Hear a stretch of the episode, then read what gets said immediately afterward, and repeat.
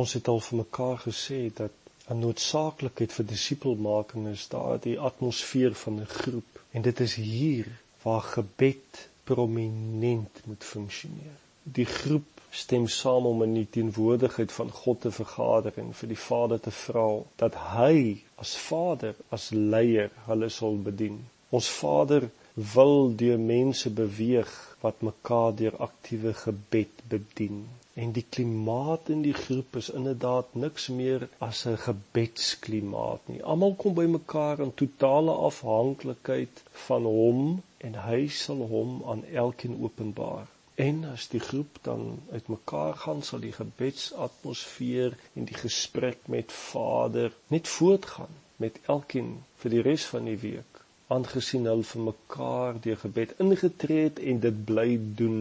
Die disipelmakingsgroep is klein en moet klein bly wat persoonlike betrokkenheid in mekaar se lewens is kardinaal in die proses.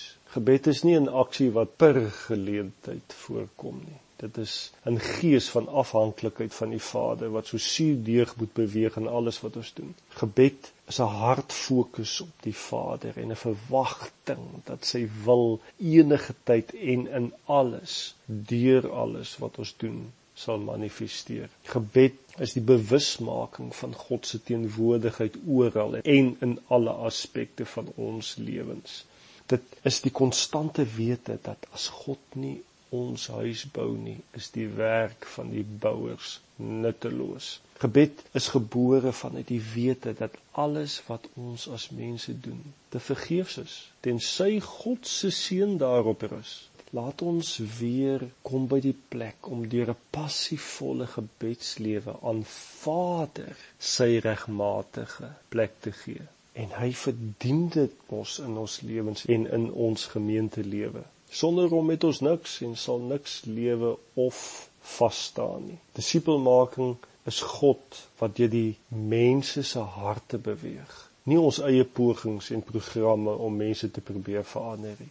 Jesus het sy disippels geleer om te bid vir die koms van sy koninkryk. Matteus 6 vers 9 tot 10. Bid dan soos volg: Ons Vader in die hemel, laat U naam geheilig word. Laat U koninkryk kom. Laat U wil hier op aarde uitgevoer word, soos in die hemel. En dit is dan ook 'n duidelike teken en 'n resultaat van koninkrykstransformasie. Gebed kan mense transformeer en getransformeerde mense bid meer gefokus en met afwagting dat God se koninkryk sal kom en sy wil sal geskied. Gebed is daarom duidelik en Jesus het dit net gewys in koninkryksaktiwiteit, 'n disipelmakende aktiwiteit. Jesus het in Matteus 9 vers 38 vir sy disippels gesê dat hulle tot die Vader moet bid om arbeiders vir die oes uit te stuur. Aanhoudende gefokusde gebed bring ook die belofte van transformasie na vore. Ons lees in Johannes 14 vers 12 tot 14 het Jesus sy disippels vertel dat hy hulle gaan verlaat, maar hy gee hul die krag van gebed. Daar sê hy ek verseker julle wie aanhou glo in my sal ook die werke doen wat ek doen.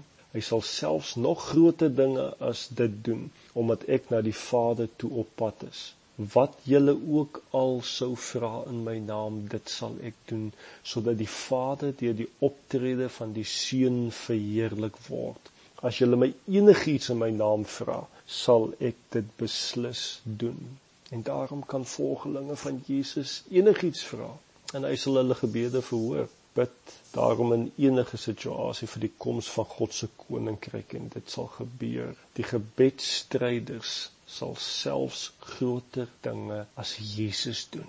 Wow! En die resultaat is koninkryks uitbreiding, koninkryks transformasie.